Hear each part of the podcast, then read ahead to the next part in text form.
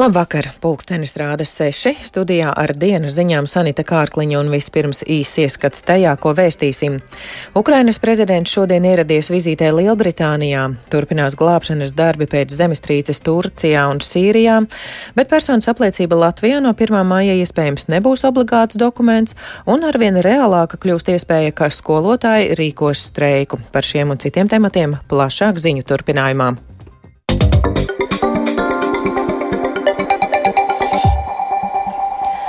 Ukrainas prezidents Volodimirs Zelenskis šodien ieradies savā pirmajā vizītē Lielbritānijā. Tā ir tikai otrā Zelenska vizīte ārpus Ukrainas kopš Krievijas pilna apmēra ieb iebrukuma sākuma. Vizītes laikā Britu premjers Rišis Sunaks solīja turpināt atbalstu Ukrainai līdz tās uzvarai. Savukārt Zelenskis pateicās Lielbritānijai par lielo atbalstu un aicināja rietumus piegādāt Ukrainai iznīcinātājus. Pēc Lielbritānijas apmeklējuma sagaidāms, ka Zelenskis šovakar apmeklēs Parīzi, bet rīta Briseli. Plašāk stāsta Rihards Plūme. Lielbritānijas valdība šodien paziņoja par jaunu sankciju kārtu pret Krieviju, un tās esot attiecinātas uz organizācijām, kas nodrošina militāro aprīkojumu, piemēram, bezpilota lidaparātus, kā arī pret personām, kas palīdz uzturēt Kremļa elites bagātību un varu. Bet Britu premjera birojas šodien paziņoja, ka Briti turpinās un paplašinās Ukraiņu karavīru apmācību, apmācot arī iznīcinātāju pilotus. Lielbritānija pēdējo sešu mēnešu laikā jau ir apmācījusi desmit tūkstošus Ukraiņu karavīru karavīru un šogad apmācīs vēl 20 tūkstošus. Vladimir Putin's aggression cannot be seen in any way to have been successful, and that's why Vladimira Putina agresiju nekādā veidā nevar uzskatīt par veiksmīgu, un tāpēc mēs esam pātrinājuši un palielinājuši savu militāro atbalstu Ukrainai. Šodien ejam vēl tālāk, sniedzot ne tikai Challenger tankus, darot to kā viena no pirmajām valstīm, bet arī virzāmies soli tuvāk, lai sāktu trenēt Ukraiņu karavīrus, sniedzot viņiem spējas, lai īstenotu ofensīvu un arī trenētu viņu pilotus produktus. Parlaments var būt drošs, ka turpināsim atbalstīt Ukrainu, lai nodrošinātu izšķirošu uzvaru kaujas laukā šogad. Iepriekš premjeras sacīja, ka Lielbritānijas iznīcinātāju taifūnu un F-35 nosūtīšana uz Ukrainu prasītu mēnešiem, ja ne gadiem ilgu apmācību. Pēcpusdienā Zelenskis Westminsteras zālē uzrunāja Britu parlamentu, kur viņš tika sagaidīts ar ovācijām. You and us already have the experience of defeating the evil that is generated by human nature. Jūs un mēs jau esam cīnījušies pret ļaunumu un sakāvuši ļaunumu, ko radījusi cilvēka daba. Es nesaku, ka pēc tam, kad karš beigsies, karu vairs nebūs. Nē, ļaunumu nav iespējams pilnībā izdzēst no cilvēka dabas. Tomēr tas ir mūsu varā ar darbiem un vārdiem garantēt, ka cilvēka labā puse būs pārāka. Tā, ko dalām mēs un jūs, tā stāv pāri visam. Zelenskis uzteica Lielbritānijas līderību un atbalstu, kā arī atgādināja, ka sadarbība ir jāturpina arī turpmāk, tostarp veidojot kaujas lidmašīnu koalīciju. Rihards Plūme, Latvijas radio. Vairāk nekā 11 tūkstoši cilvēku gājuši bojā zemestrīcēs Turcijā un Sīrijā. Apstiprinātais upuru skaits strauji pieaug, jo glābšanas un meklēšanas darbi ir sākušies arī tajās vietās, kur ārkārtas dienesti ieradās ar ilgu nokavēšanos. Iespējas atrast vēl kādus izdzīvojušos strauji sarūk, tomēr arī šodien pienāca ziņas par dažiem izglābtiem cilvēkiem. Plašāk klausieties Ulda Ķezbera ierakstā.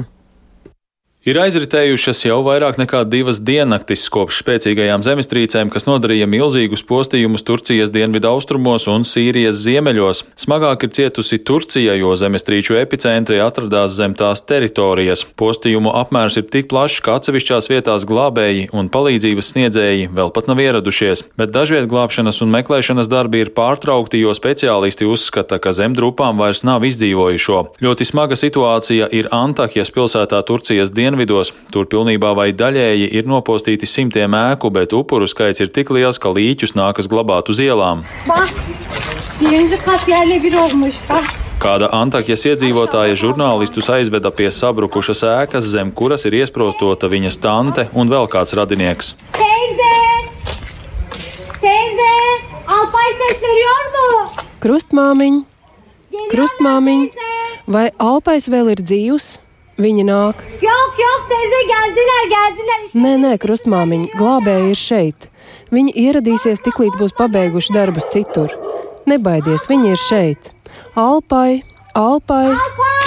Turcijas prezidents Reģeps Taips Erdogans šodien apmeklēja Kahraman Marašas pilsētu, kuras tuvumā bija epicentrs vienai no pirmdien notikušajām zemestrīcēm. Viņš atzina, ka pēc zemestrīcēm Turcijas varas iestādes nav rīkojušās pietiekami operatīvi, taču solīja, ka valsts sniegs visu nepieciešamo palīdzību. Hedefimiz inşallah bir yıl içerisinde de Es ceru, ka gada laikā mums izdosies uzcelt jaunus dzīvojamo ēku masīvus Kahramanmarašā un pārējās deviņās provincēs, kas cieta zemestrīcēs. Mēs nekad nepieļausim, ka mūsu pilsoņi paliek uz ielas. Mēs pašlaik esam mobilizējuši visus savus resursus. Mēs sniegsim atbalstu saviem iedzīvotājiem un veiksim nodarīto postījumu novērtējumu. Šim nolūkam ir atvēlēti līdzekļi no budžeta. Mēs vēlamies atvieglot cilvēku problēmas šajā pārejas laikā. Sıkıntılarını giderelim istiyoruz. Turcijas valdība ir saņēmusi plašu kritiku par nespēju laicīgi nogādāt glābējus un palīdzību uz katastrofas vissmagāk skartajiem rajoniem. Desmitiem tūkstošiem cilvēku pēdējās naktis ir pārlaiduši zem klajas debesis vai savās automašīnās bez iespējas paēst ciltu maltīti vai nomazgāties. Uldis Česberis, Latvijas radio.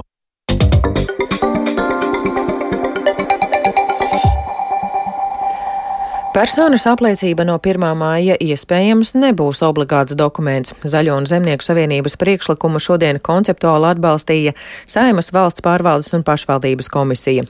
Kā viens no galvenajiem iemesliem - regulāri garas rindas pie pilsonības un migrācijas lietu pārvaldes nodaļām, kur cilvēki var noformēt personas dokumentus. Komisijas vadītāja Daiga Mieriņa no Zaļo un Zemnieku savienības Latvijas radio norāda, ka tagadējais termiņš ir nesamērīgs, jo neviens nav rēķinājies, cik daudz pilsonības un migrācijas lietu pārvaldei būs jaunu pienākumu. Viņas prāt dokumentu plūsmu varētu sakārtot līdz 2030. gadam. Ir vesela virkne secīgu vairāki lēmumi, kuri uzliek nu, tiešām slogu PMLP. Un tas ir tikai loģiski, ka mēs netracinām cilvēkus, jo tie, kas ir godprātīgi, tie uztraucās un mēģina visādi citur, kur ir rindas mazākas, saņemt šos dokumentus. Tas 30. gads ir ielikts tāpēc, ka ir Eiropas kopējā digitalizācija, kuras ietveros arī ir paredzēts vesela virkni pakalpojumu, kas pāries uz uh, digitālo formātu, un tad arī attiecīgi pielāgot visus šos uh, dokumentus arī šai digitalizācijai. Šo jautājumu saimas steidzamības kārtā varētu skatīt jau nākamnedēļ. Lai kā mums gribētos ātrāk redzēt Ukrainas uzvaru, visticamāk, ka karš šajā valstī būs ilgstošs, tā Latvijas radio intervijā sacīja NATO ģenerāla sekretāra vietniece publiskās diplomātijas jautājumos Baiba Brāže. Viņa akcentēja, ka palīdzība neapsīks. Tāpēc arī tās gan ieroči, gan neletālās piegādes ir tik ārkārtīgi svarīgas Ukrainai, lai Ukraina spētu un gribētu tālāk cīnīties. Jo ceļš uz ilgstošu mieru, diemžēl, ved caur karu šajā gadījumā. Piespiest Krieviju saprast, ka ar ieročiem tā nespēs panākt savus strateģiskos rezultātus, sakaut Krieviju. Tādā veidā nodrošināt Ukrainai iespējamu spēcīgu pozīciju pie sarunu galda. Tā arī ir tā gan sabiedroto, gan starptautiskās sabiedrības stratēģija šobrīd. Vienlaikus, protams, ir plašs politiskais process. Mēs zinām, ANO ietvaros, ģenerālās asamblējas ietvaros, drošības padomus ietvaros, reģionālas iniciatīvas. Latvijas radio arī vaicāja Bražas skatījumu par sociālajos tīklos izskanējušo aicinājumu būt par nākamo Latvijas prezidenti, tomēr viņa atbildēja, ka cer uz Egila Levita pārvēlēšanu. Saimas mandātu komisija šodien atbalstīja deputāta partijas Latvija pirmajā vietā līdera Aināra Šlesera krimināllietas turpmāku iztiesāšanu, atļauju lūdzu Rīgas apgabaltiesa.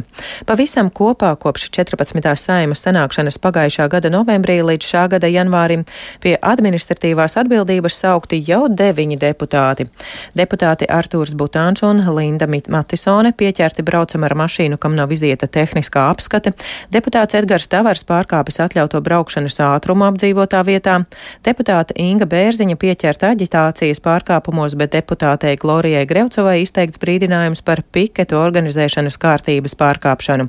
Par interešu konflikta pieļaušanu sodīts deputāts Uģis Rodbergs, Jānis Krastīņš, amatpersonas deklarācijā norādījis nepatiesas ziņas, savukārt deputāti Linda Liepiņa un Ainārs Šlesers sodīti par ierobežojumu pārkāpšanu pandēmijas laikā. Tikmēr arvien reālāka atkal kļūst skolotāju streika iespējamība. Par streika procedūras atsākšanu šodien valdes ārkārtas sēdē sprieda pedagoģu arotbiedrība pēc iepazīšanās ar nākamā gada budžeta projektu, ko vakar pieņēma valdība un ko rīt iesniegs saimā. Arotbiedrības vadītāja Inga Vanaga secina, ka vairākas pirms streika izlīguma lietas budžetā nav ņemtas vērā. Ja nebūs radikāla rīcība, tad tas nozīmē, ka no 23. gada 1. septembra pilnīgi nevienai pedagoģu grupai, sākot no pirmskolas līdz augstākai izglītībai, nebūs neviena eiro centa algas pieauguma, jo vienkārši grafika nav. Valdība neapstiprināja, budžetā naudu tam neparedzēja, un tas bija jāizdara šai valdībai. Un slodžu balansēšanas plāns arī nebūs. Jā, protams, mēs paļāvāmies uz pieciem normatīviem aktiem, kas ir spēkā un uz šīs valdības atbildību par streika vienošanās izpildi, bet, kā redzam, uh, neradīja spēju, un tāpēc arī valde uzskata, ka jārīkos ir radikāli un, uh, un uh, jāpanāk ja, gan šis grafiks, gan slodas, jo tas skar pilnīgi visus pedagoģu grupas.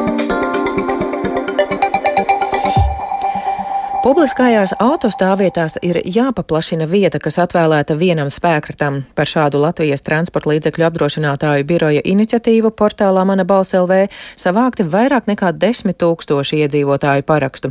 Šodien Saimas mandātu ētikas un iesniegumu komisija pieņēma lēmumu virzīt iniciatīvu tālākai izvērtēšanai ministru kabinetā, lai līdz gada beigām turpinātu izpēti un sagatavotu risinājumus, kā padarīt drošāku transporta līdzekļu novietošanu publiskajās stāvvietās.